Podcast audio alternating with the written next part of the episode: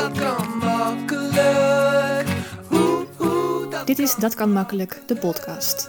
Een serie voor ondernemers met een mooie missie die willen leren hoe ze marketing makkelijker en leuker kunnen maken. Simpel en echt.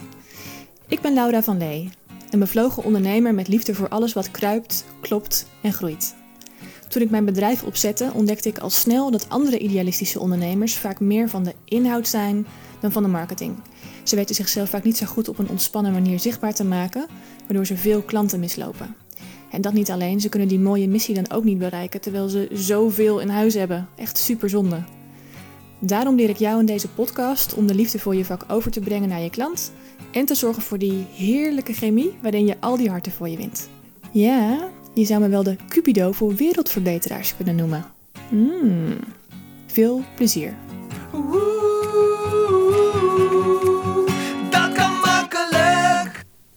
Dit is de eerste aflevering van mijn podcast. En ik wil eerst wat aandacht besteden aan de achtergrond van mij en van mijn bedrijf. Eigenlijk de Over Mij pagina op mijn website, of op ieders website, maar dan in gesproken vorm. Omdat ik denk dat het heel leuk voor jullie is en nuttig om wat meer te horen over wie ik ben. Ook omdat ik echt geloof dat als je de mens hoort achter een bedrijf, dat je dan al heel snel kan voelen of je met die persoon in zee wil en of je op dezelfde golflengte zit. Dus een van mijn kernwaarden of kenmerken zou ik eigenlijk willen zeggen, waar vrienden mij altijd mee omschrijven, is dat ik mezelf makkelijk blootgeef. Misschien ook wel eerder dan andere mensen. Ik kan het vrij snel hebben over intieme onderwerpen. En dat komt, ik heb jarenlang gewerkt voor Rutgers, het kenniscentrum seksualiteit. En daar ging het heel de dag over seks.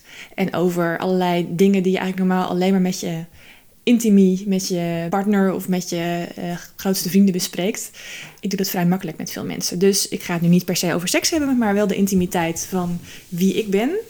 En een van de belangrijkste vragen, dus dit is eigenlijk een toepassing van die pagina. En een van de belangrijkste vragen is: eh, hoe ben je je bedrijf gestart en is er een soort ommekeer in jouw leven geweest?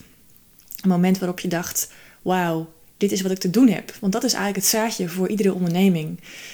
De meeste mensen die gaan niet direct als ze van school komen, van universiteit of van uh, hogeschool, whatever wat je ook hebt gedaan vanuit een opleiding, starten niet meteen met een eigen bedrijf. In ieder geval de mensen in mijn werkveld niet. Ik werk veel met dienstverlenende ondernemers die, die hadden vaak een carrière in loondienst. En op een gegeven moment kwamen ze tegen een soort drempel op. Hadden ze een inzinking of in mijn geval een burn-out. Waardoor ze dachten, hmm, ik kan het tot aan mijn pensioen doen, maar is dit echt wat ik wil?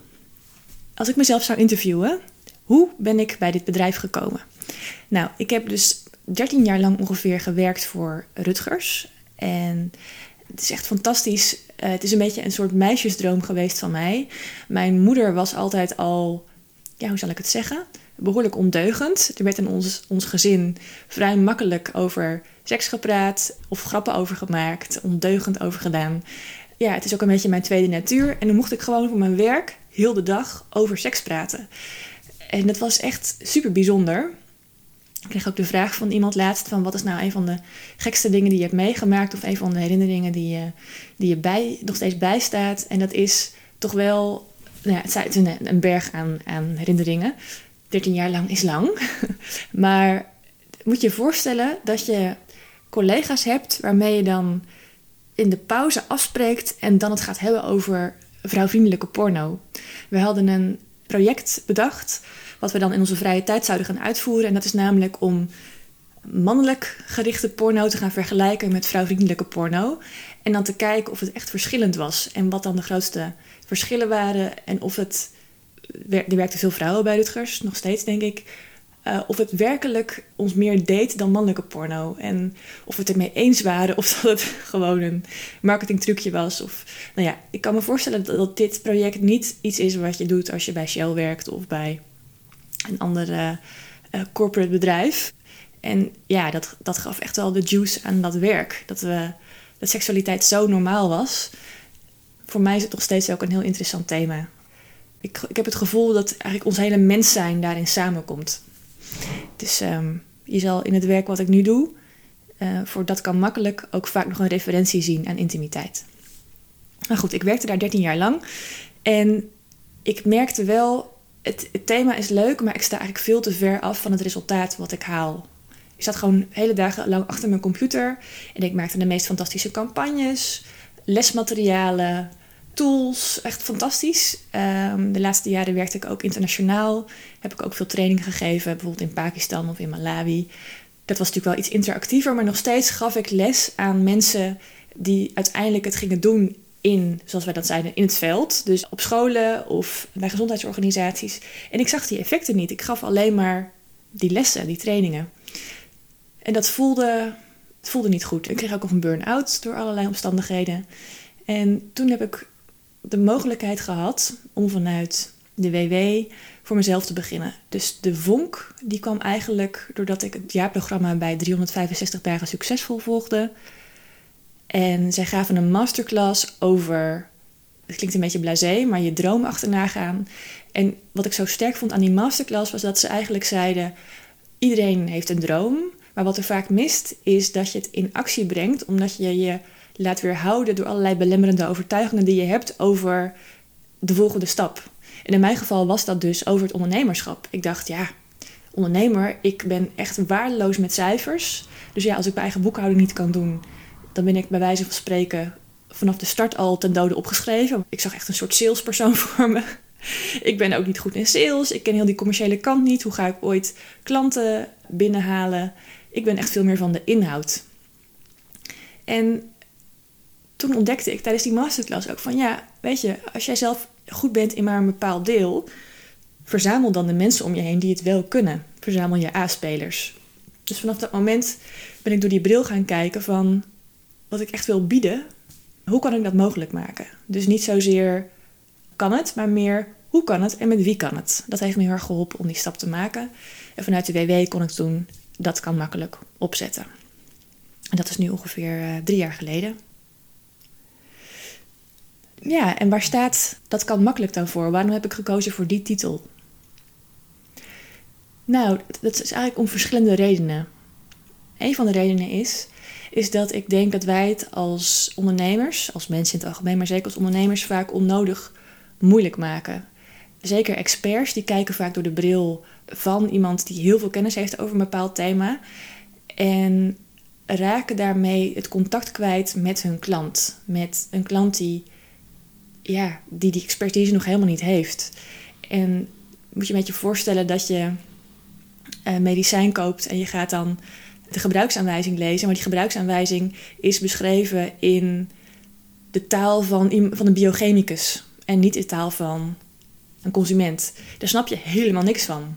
Terwijl misschien de biochemicus echt, die is zo ontzettend bevlogen over dat hij medicijn heeft samengesteld wat werkt, waardoor je opeens beter kan worden en het leven je weer tegemoet treedt en je nou ja, veel energie en geluk het leven leidt.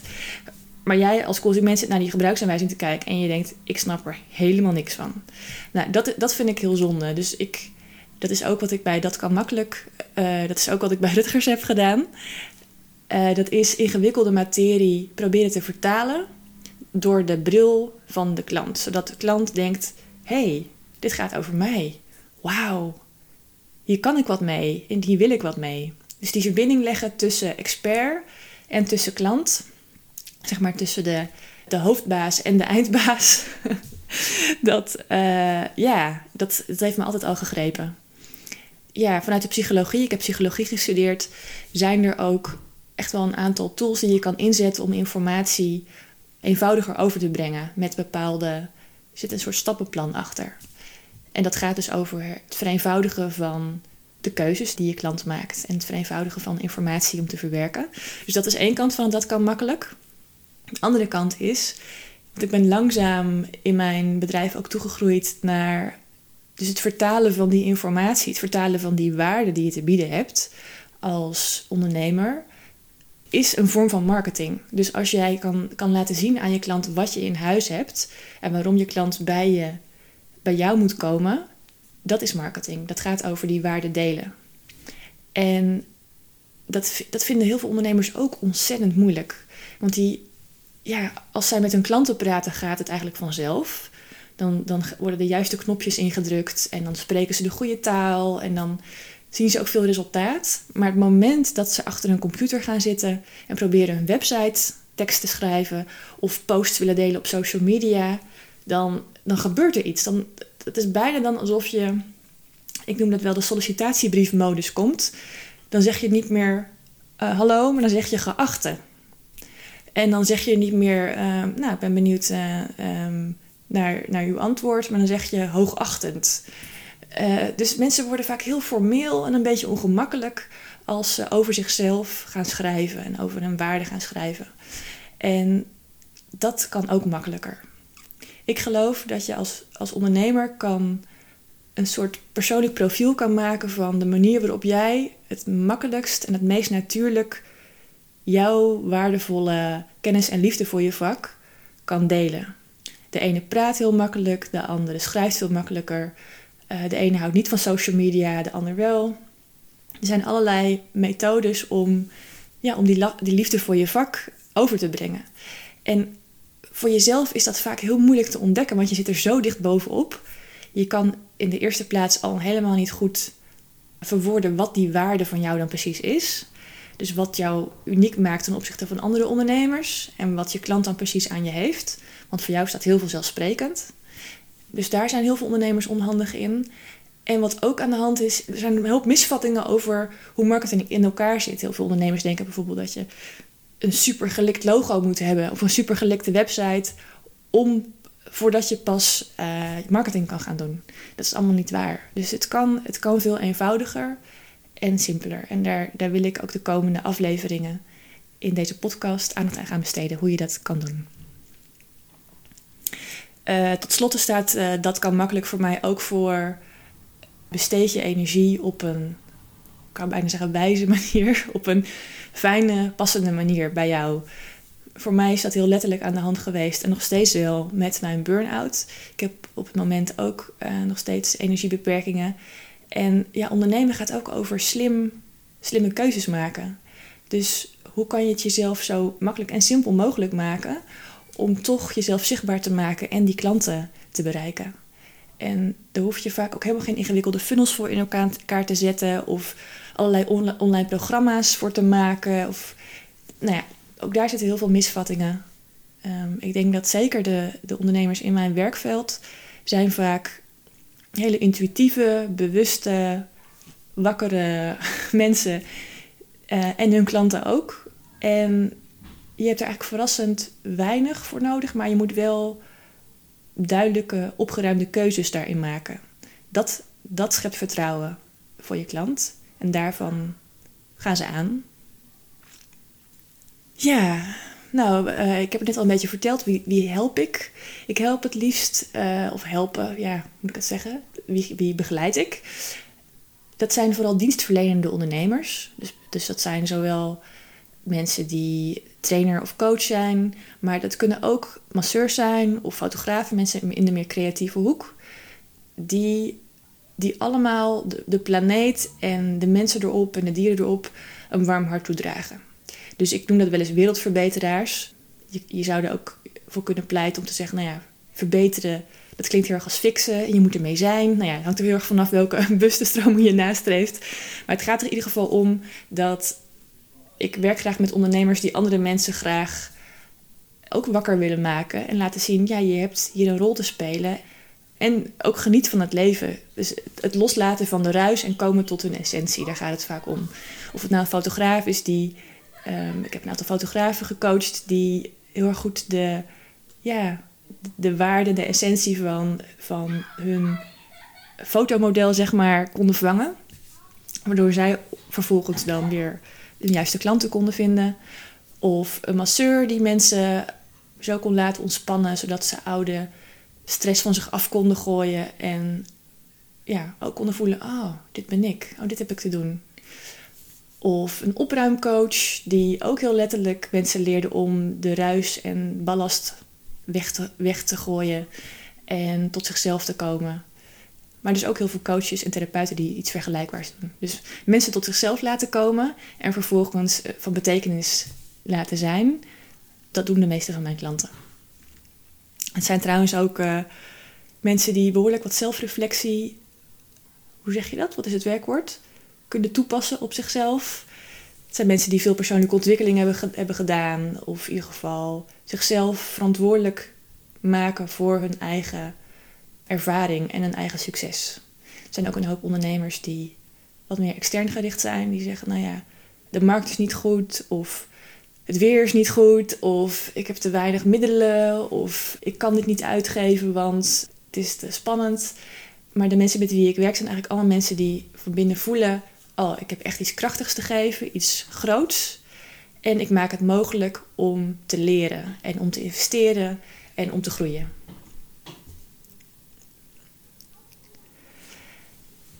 Wat uh, de kracht is van mijn methode. Ik zie behoorlijk snel wat iemands waarde is. En ik ben super nieuwsgierig. Ik stel veel vragen. Ik zou het liefst ook mezelf willen interviewen. Omdat wat ik vaak van mensen terugkrijg is dat ik liefdevol ben, maar ook scherp. Dus ik kan, uh, ik kan goed tussen de regels doorlezen. Ik kan mensen ook goed lezen. En daardoor kan ik boven water krijgen wat voor jou eigenlijk heel vanzelfsprekend is. Wat jij doet in je dagelijkse praktijk, in je dagelijks, ja, in je dagelijks werk. Misschien waar klanten wel veel complimenten over hebben, maar waar ze misschien ook niet altijd de vinger op kunnen leggen. Samen met mij kan je daarachter komen. En dat is heel fijn, want dan kan je dat gaan gebruiken. Dus in die marketing en in je methode. Om om daar nog specifieker op te focussen en daardoor je eigen niche te creëren in jouw markt. Dat is heel erg fijn. Dus ik geef woorden aan jouw waarde. En ja, het is heel fijn om dat ook in contact te doen, want vaak je zit dus zelf zo dicht op die expertise en op, die, op je vakgebied dat je daar zelf geen woorden aan kan geven en ook niet ja, je vindt het vaak doodnormaal.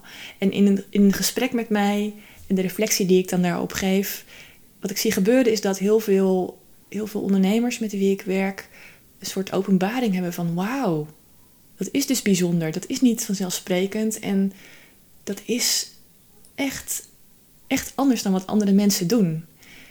En sterker nog, vaak gaat het nog verder, want daardoor wordt hun, eigenlijk hun diepere ehm, vuur, de reden waarom ze het doen, dat wordt in marketingland ook wel je why genoemd. Het kan ook je drijfveer zijn of je missie. In ieder geval de reden waarom je dit wil doen en waar je aan wil bijdragen, wordt vaak veel scherper. Je lens wordt veel schoner, waardoor je kan zien: ah, dat is waarom ik het doe. Waardoor je ook veel meer vertrouwen krijgt in datgene wat je doet.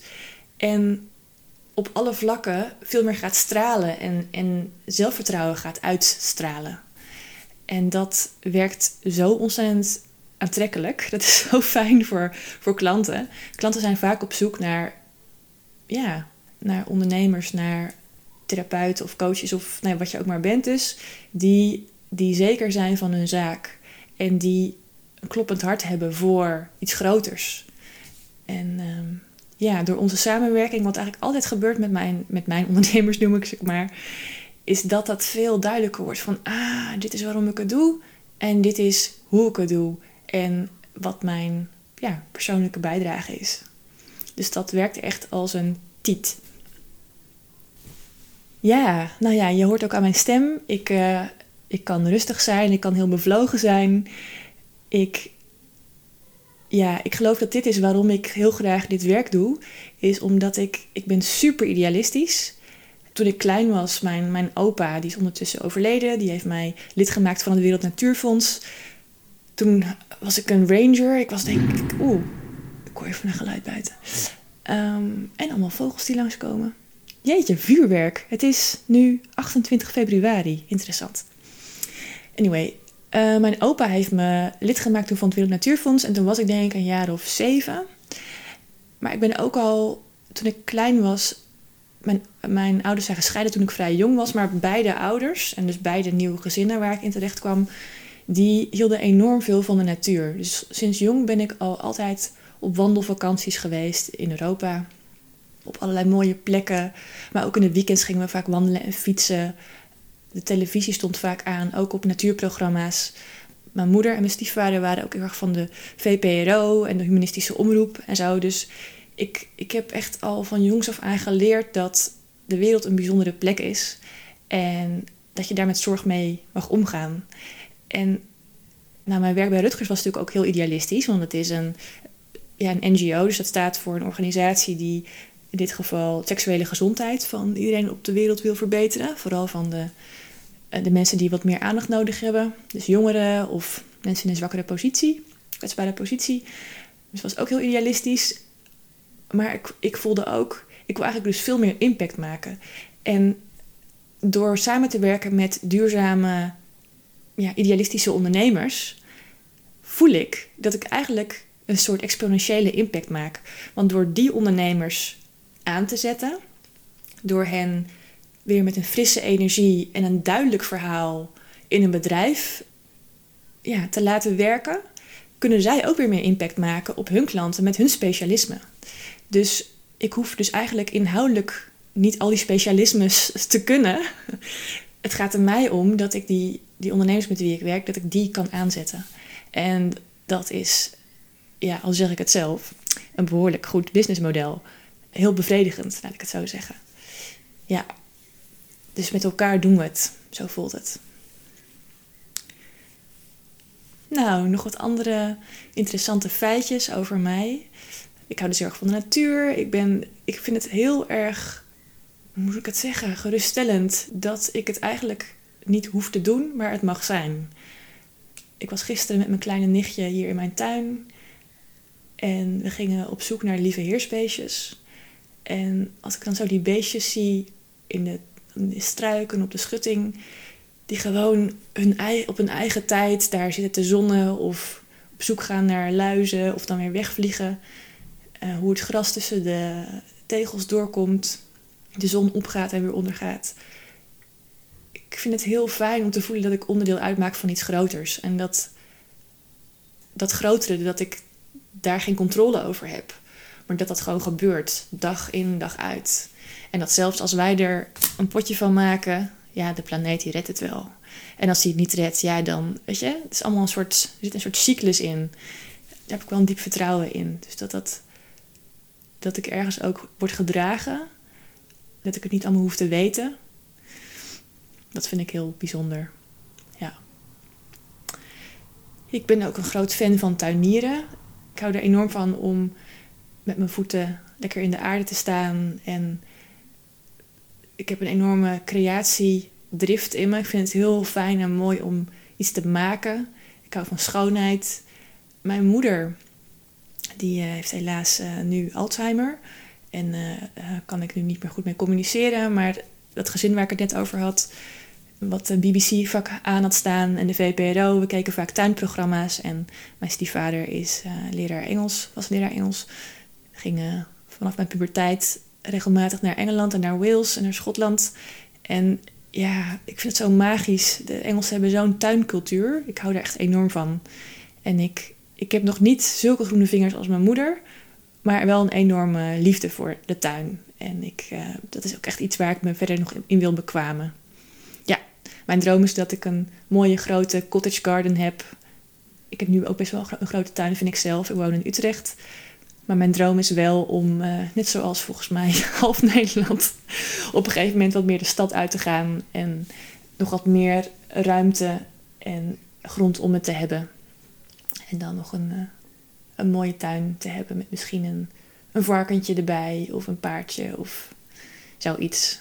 Bijzonder, hè? ik hoor heel veel mensen over een boerderijtje buiten. Waar zou dat toch voor staan? Ik denk ook voor vrijheid en nog meer verbinding met de natuur uit je hoofd in je lijf.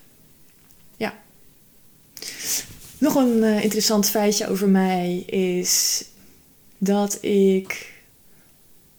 Nou ja, dat werken denk ik mensen ook wel die met mij samenwerken, is dat ik niet alleen maar met het hoofd werk, maar ook met het lijf. Dus ik vind het heel belangrijk dat je ook voelt of, het, of iets voor je klopt. En dat voel je niet alleen maar met je hoofd, of juist niet, maar ook met je hart en met je onderbuik. En dat is iets waar ik het is voor mij niet vanzelfsprekend, dat instrument. Dus ik ben zelf ook altijd nog aan het leren en nieuwsgierig over hoe ik mijn lijf nog beter kan volgen. Ik heb de afgelopen jaren ook meer verdiept in tantra. Wat overigens niet alleen maar over seks gaat, zoals jullie misschien weten. Voor mij gaat het over lichaamsbewustzijn en over... Het is een hele belichaamde vorm van spiritualiteit, van bewustzijn en mijn zintuigen gebruiken in het leven. En ja, het doet ook enorm veel goed voor je seksleven. Ik kan het iedereen aanraden om te vertragen, om echt van ieder moment te kunnen genieten, echt te kunnen verbinden met je partner in plaats van alleen maar heigerig een soort lekker snoepje in de toekomst na te streven. Kortstondig, kortstondig geluk, kortstondige blis. En het is gewoon levenslange ontdekking. Voor mij ook. Dus uh, ik ben nog niet, ik heb nog niet de zwarte band, zou ik maar zeggen.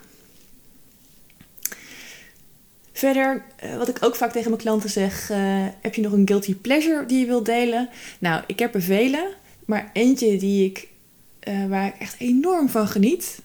Ik zal er misschien elke aflevering nog eens eentje noemen. Maar deze wil ik jullie alvast niet onthouden, is dat ik, ik hou enorm van mayonaise. Ik stop het niet overal op, maar als ik een keer een lepel mayonaise ergens op heb gedaan, steek ik daarna die lepel in mijn mond. En daar geniet ik echt enorm van. Oh. Ik wou zeggen, gelukkiger kan je me niet maken. Dat is een beetje overdreven, maar hmm, ja, daar houd ik van. Van mayonaise, een lepel mayonaise in mijn mond stoppen. Nou, dit is uh, de eerste aflevering. Ik vind het leuk om over mezelf te praten, maar ik vind het ook leuk om met andere mensen te praten over de liefde voor een vak. Dus ik zal komende afleveringen um, af en toe zelf wat vertellen naar aanleiding van een gesprek wat ik heb gehad met een klant. Een inzicht wat ik heb over marketing, over natuurlijke marketing of empathische marketing, zoals ik het ook vaak noem. En andere keren zul je mij horen in een interview met zo'n duurzame, bewuste, idealistische ondernemer. Ook ter inspiratie. Nou, ik ben heel benieuwd wat jullie ervan vinden. Ik wens jullie een mooie dag. Oh ja, en ben je nou nieuwsgierig naar mij um, geworden? Dat lijkt me leuk. Dan kan je kijken op mijn website www.datkanmakkelijk.nl. Daar kan je nog meer over mij lezen en ook zien wat ik je aanbied. Wat voor leuke dingen je met mij kan doen om jouw bedrijf nog meer in het licht te zetten en precies de goede klanten jou te laten vinden, zodat je eindelijk die, ja, die fijne impact hebt op de wereld.